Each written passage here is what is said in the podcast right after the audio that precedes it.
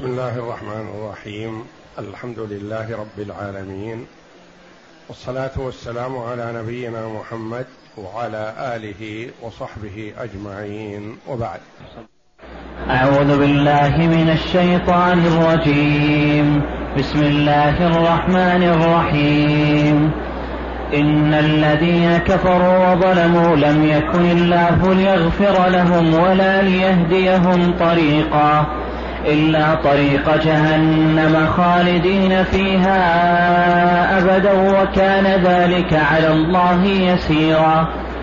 يا أيها الناس قد جاءكم الرسول بالحق من ربكم فآمنوا خيرا لكم وإن تكفروا فإن لله ما في السماوات والأرض وكان الله عليما حكيما. هذه الآيات الثلاث من سورة النساء جاءت بعد قوله جل وعلا إن الذين كفروا وصدوا عن سبيل الله قد ضلوا قد ضلوا ضلالا بعيدا إن الذين كفروا وظلموا لم يكن الله ليغفر لهم ولا ليهديهم طريقا إلا طريق جهنم. الآيتين. يبين جل وعلا أن الذين كفروا بالله وبرسله واتبعوا الطاغوت والظلام وظلموا جمعوا بين الكفر بالله والظلم ظلموا رسول الله صلى الله عليه وسلم بإنكار وجحد نبوته. ظلموا أنفسهم بعدم اتباعهم للحق وهذا ظلم لأنفسهم بأن عرضوها للعذاب الأليم في الدار الآخرة. ظلموا الناس عموما بصدهم عن سبيل الله وطاعة رسوله صلى الله عليه وسلم. أقوال ثلاثة للمفسرين رحمة الله عليهم. ولا منافاة بينها فقد جمعوها جميعا. ظلموا رسول الله صلى الله عليه وسلم بإنكار نبوته. وظلموا أنفسهم بأن عرضوها للعذاب الأليم في الدار الآخرة. وظلموا المسلمين بصدهم عن سبيل الله. هؤلاء إذا استمروا على ما هم عليه وماتوا على ذلك لم يكن الله ليغفر لهم. لأن الله جل وعلا بين جل وعلا أنه لن يغفر لمن مات على الشرك أبدا. إن الله لا يغفر أن يشرك به ويغفر ما دون ذلك لمن يشاء. دون الشرك وإن كثرت الذنوب فالله غفور رحيم. قل يا عبادي الذين أسرفوا على أنفسهم لا تقنطوا من رحمة الله. إن الله يغفر الذنوب جميعا. إنه هو الغفور الرحيم. والله جل وعلا يقول من تقرب إلي شبرا تقربت إليه ذراعا. ومن تقرب إلي ذراعا تقربت إليه باعا ومن اتاني يمشي أتيته هرولة. ويقول جل وعلا لو لقيني عبدي بقراب الأرض خطايا حالة كونه لا يشرك بالله شيئا. لقيه الله جل وعلا بقرابها مغفرة. لو بلغت ذنوبك عنان السماء ثم استغفرت ربك لغفر لك. لم يكن الله ليغفر لهم إذا ماتوا على شركهم وكفرهم وظلمهم. أما من تاب فالآيات والأحاديث تدل على قبول توبته وإن فعل ما فعل من العظائم. كما جاء أن سحرة فرعون قالوا بعزة فرعون إنا لنحن الغالبون. وقد جاءوا لمقابلة موسى عليه السلام ثم لما من الله عليهم بالهداية وآمنوا بموسى صلى الله عليه وسلم وعذبهم فرعون بأن قطع أيديهم وأرجلهم من خلاف هم يتقلبون في أنهار الجنة. لم يكن الله ليغفر لهم ولا ليهديهم سبيل طريقا. لا يهديهم إلى طريق النجاة لا يهديهم إلى طريق يسعدون فيه. الا طريق جهنم. يهدون ويلزمون ويساقون في طريق جهنم والعياذ بالله تسوقهم الملائكة سوقا. إلا طريق جهنم. قيل الاستثناء منقطع وقيل الاستثناء متصل. كيف يكون ذلك؟ إذا قلنا إن ولا ولا ولا ليهديهم طريقا. عام. فالاستثناء متصل حينئذ. لأن المستثنى منه من المستثنى من جزء من المستثنى جزء من المستثنى منه. وإذا قيل إن المراد ليهديهم طريق السعادة إلا طريق جهنم فالاستثناء حينئذ منقطع. لأن المستثنى غير المستثنى منه. ولا ليهديهم طريقا إلا طريق جهنم. يلزمون بالسير فيه وتسوقهم الملائكة سوقا. خالدين فيها أي جهنم. أبدا تأكيد. لئلا يفهم من الخلود طول المكث فقط. بل المراد وقاهر لهم جل وعلا ويؤبد عذابهم في نار جهنم. ولا يعبأ بهم جل وعلا لأنهم طرحوا أوامر الله تبارك وتعالى ولم يتبعوا رسله فهانوا في أنفسهم فهانوا على الله جل وعلا. ولو علموا أوامر الله جل وعلا لأكرمهم الله جل وعلا. وكان ذلك على الله يسيرا سهلا ميسورا لأنه جل وعلا لا يعجزه شيء. لا في الدنيا ولا في الآخرة. يعطي العطاء الجزيل جل وعلا وإذا عذب عذب العذاب الأليم. ثم خاطب جل وعلا عموم الناس. يا أيها الناس المؤمنون والكافرون من المشركين واليهود وغيرهم من الكفار يا أيها الناس قد جاءكم الرسول بالحق من ربكم.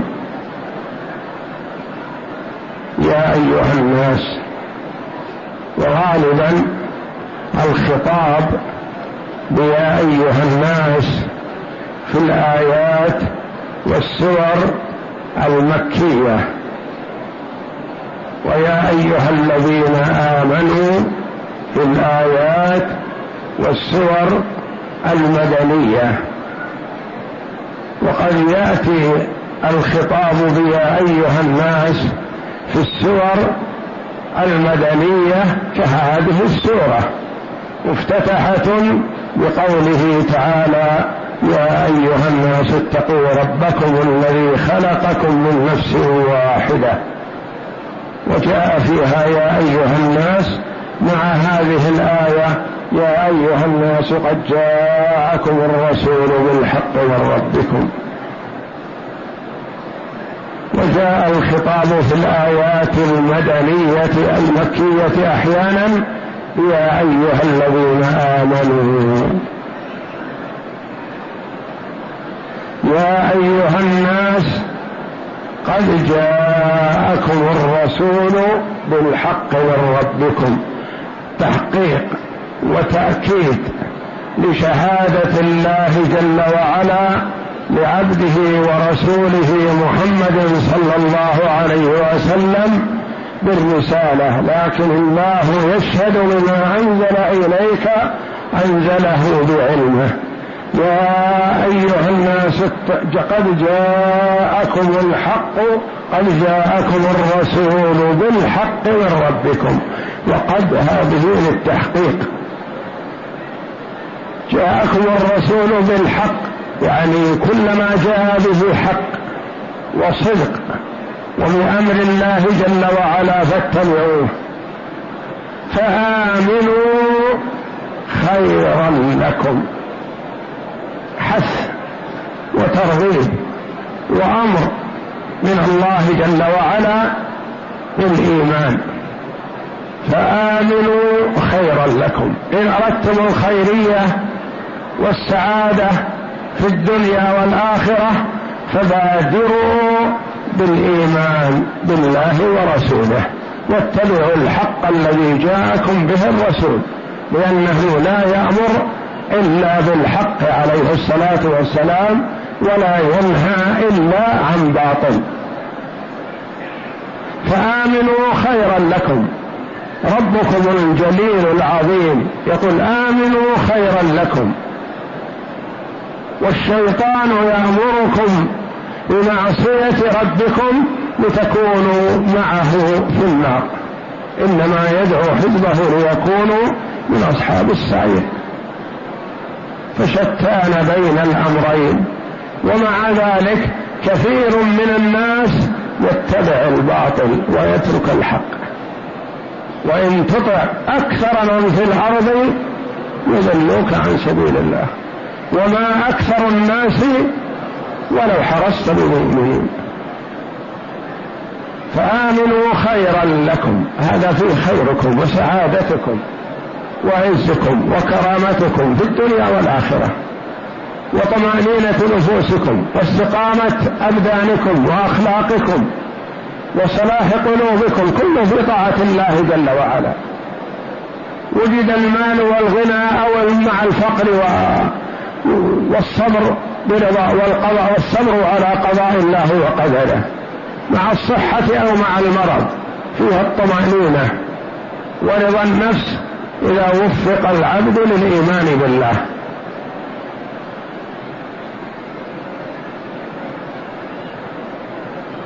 وعن عمر رضي الله عنه أنه قال لا أبالي أي المطيتين ركبت. الغنى مع الشكر أو الفقر مع الصبر. كلها مطايا موصلة لله جل وعلا. فقر معه الصبر يوصل إلى الله جل وعلا. إنما يوفى الصابرون أجرهم بغير حساب. غنى مع الشكر ولئن شكرتم لأزيدنكم. إنه كان عبدا شكورا. الله جل وعلا يثني على الشاكرين كما يثني على الصابرين. وكل هذا يحصل بالإيمان بالله. إذا وفق العبد للإيمان بالله فهو على خير. كان من الصابرين أم كان من الشاكرين؟ فآمنوا خيرا لكم. والله جل وعلا غني عنكم. لا تنفعه طاعة المطيع كما لا تضره معصية العاصي. يا عبادي إنما هي أعمالكم أحصيها لكم ثم أوفيكم إياها. فمن وجد خيرا فليحمد الله الذي وفقه لذلك. ومن وجد غير ذلك فلا يلومن إلا نفسه هو الذي فعل. فآمنوا خيرا لكم. وإن تكفروا وإن كان الأمر الثاني وتركتم الخير وكفرتم فهل تضر الله شيئا؟ لا والله.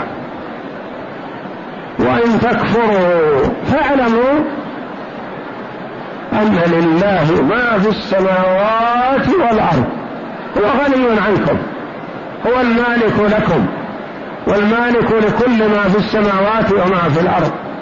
إنما إيمانكم لأنفسكم وكفركم عليكم. ولا تقل أيها الكافر البعيد إني أستطيع الهرب من الله أو النجاة أو البعد أو الحيلة أو نحو ذلك فإن لله ما في السماوات وما في الأرض. كل ما في السماوات وما في الأرض في قبضته وتصرفه وسيطرته جل وعلا. فلا يستطيع أحد أن يفلت من الله جل وعلا. لأن الإنسان إذا توعد في الدنيا تصور في نفسه أنه يستطيع أن يفلت يذهب بعيدا أو يختفي أو نحو ذلك فيسلم من الوعيد الذي توعد به. لكن من توعده الله جل وعلا فإنه لن يفلت. وإن تكفروا فإن لله ما في السماوات والأرض. كله ملكه. وكان الله عليما حكيما عليم جل وعلا. بحقائق الأمور عليم بما في قلب الإنسان عليم بما خفي عن الناس بما هو سر أو تحت الأرض أو فوق السماء كله عليم به جل وعلا. حكيما يضع الأشياء مواضعها. فالجمع بين هذين الاسمين له معنى عظيم وكل واحد من الاسمين له معنى عظيم والجمع بينهما يدل دلالة واضحة على معنى عظيم. فالعلم يدل على إحاطته جل وعلا بكل شيء وعلمه به والحكمة أنه يضع الأشياء مواضعها ولا تخفى عليه خافية ولا يعذب من لا يستحق العذاب ولا يكرم من لا يستحق الكرامة فهو يضع الأشياء مواضعها. ثم الجمع بين هذين الاسمين له معنى عظيم لأن الإنسان قد يكون عليم لكن معه من حدة الطبع أو السرعة أو نحو ذلك ما يؤثر على علمه.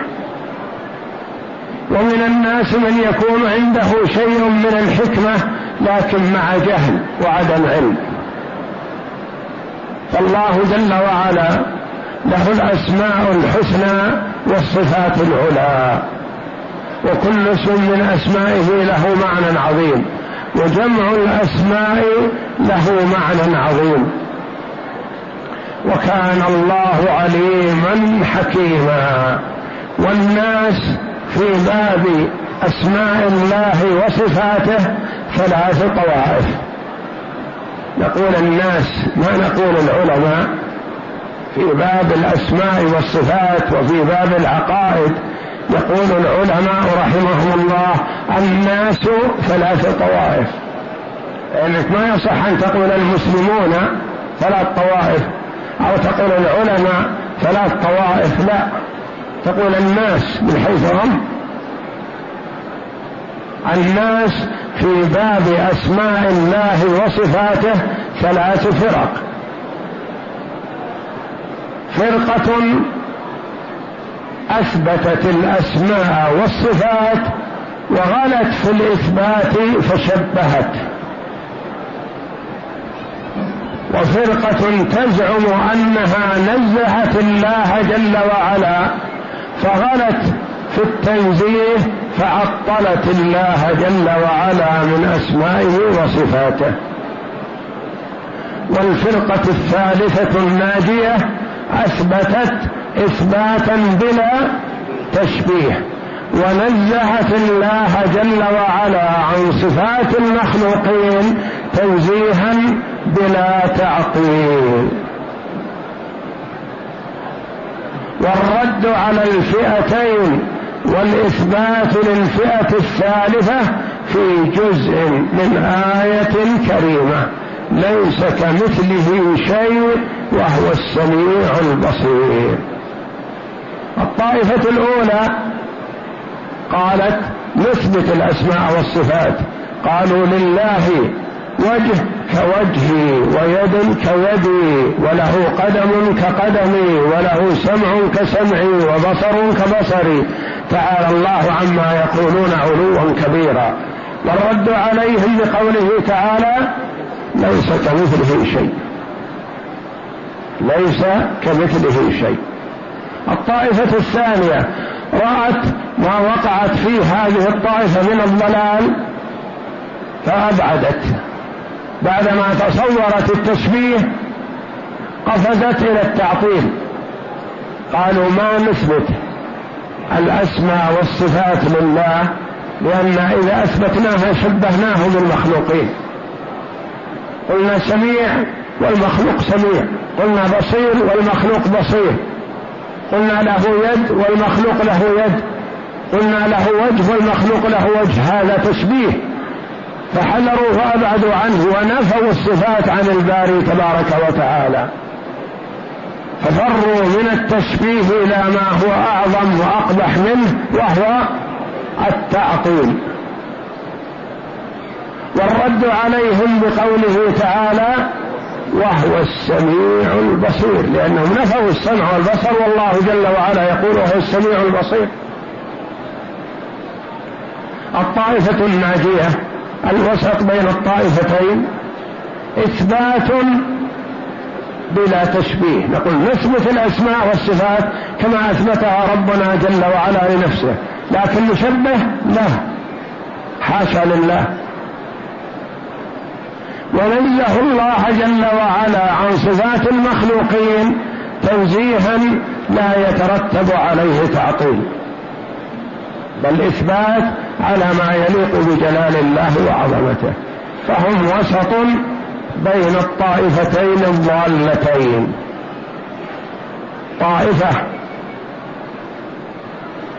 غلت في الإثبات وتجاوزت الحد لأن الغلو مجاوزة الحد جاوزوا الحد فأثبتوا لكن تجاوزوا فشبهوا. وأخرى تزعم أنها نزهت فغلت وتجاوزت التنزيه المطلوب فعطلوا الله جل وعلا من صفاته. ولذا قال بعض السلف المشبهة يعبدون وثنا صنم. ما دام انه مثل المخلوقين فهم يعبدون صنم والمعطلة يعبدون عدما لا شيء. سميع بلا سمع بصير بلا بصر قدير بلا قدرة. ما يصير. يعبدون عدما يعني لكأن لا شيء. وأهل السنة والجماعة يعبدون واحدا أحدا فردا صمدا كما أثبت الله جل وعلا صفاته لنفسه وأثبتها له رسوله صلى الله عليه وسلم.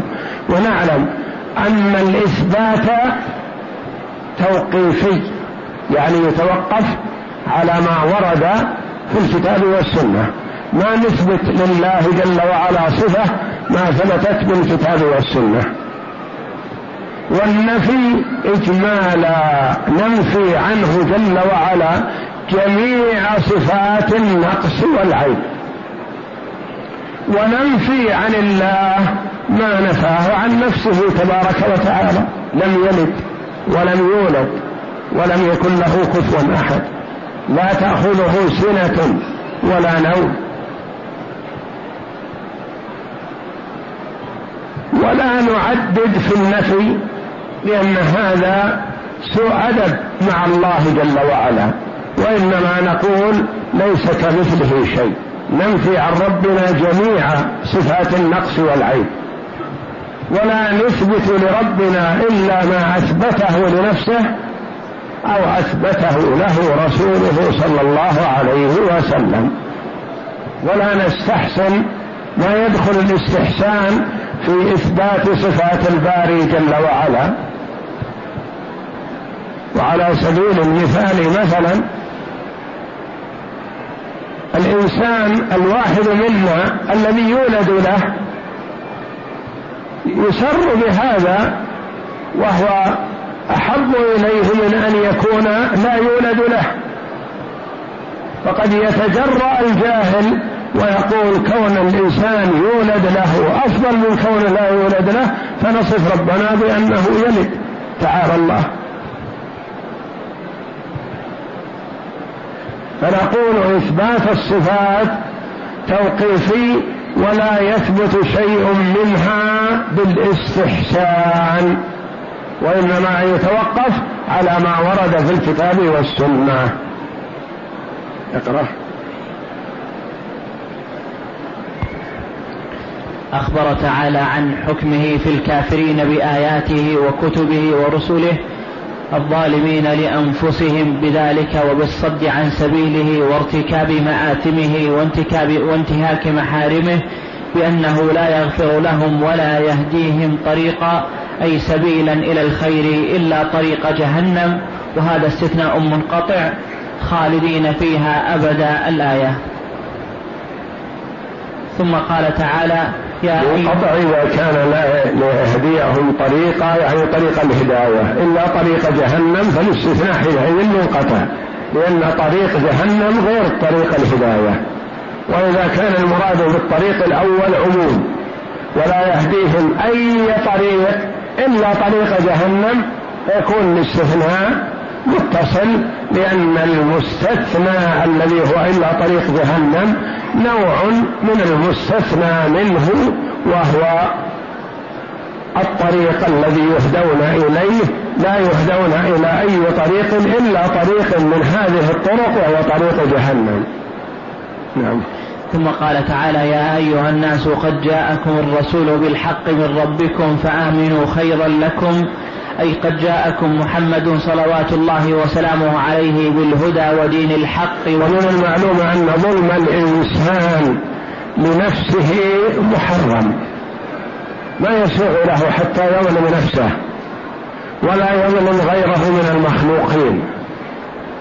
ولا يتجاوز في ظلم الله جل وعلا بأن يجعل له شريكا.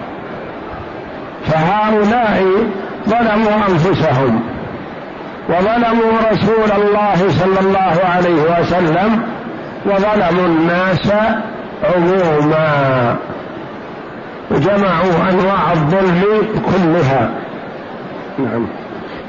قد جاءكم بالهدى ودين الحق والبيان الشافي يا أيها الناس. قوله تعالى يا أيها الناس قد جاءكم الرسول بالحق من ربكم فآمنوا خيرا لكم يعني جاءكم بحق فهو لا يأتي إلا بحق. أتى بالشرع أتى بالاستقامة أتى بصلاح الدنيا والآخرة. أتى بما فيه سعادة الأبدان والأديان والعقول وفي جميع وكل كل خير. إن هذا القرآن يهدي للتي هي أقوم في كل شيء. نعم. أي قد جاءكم بالهدى ودين الحق والبيان الشافي من الله عز وجل فآمنوا بما جاءكم به واتبعوه يكن خيرا لكم. ثم قال تعالى وإن تكفروا فإن لله ما والأرض أي فهو غني عنكم وعن إيمانكم ولا يتضرر بكفرانكم كما قال تعالى وقال موسى إن تكفروا أنتم ومن في الأرض جميعا فإن لله فإن الله لغني حميد. وقال هنا وكان الله عليما أي بمن يستحق منكم الهداية فيهديه ومن يستحق الغواية فيغويه. حكيما أي في, أي في أقواله وأفعاله وشرعه وقدره. والله أعلم وصلى الله وسلم وبارك على عبده ورسول نبينا محمد وعلى آله وصحبه أجمعين.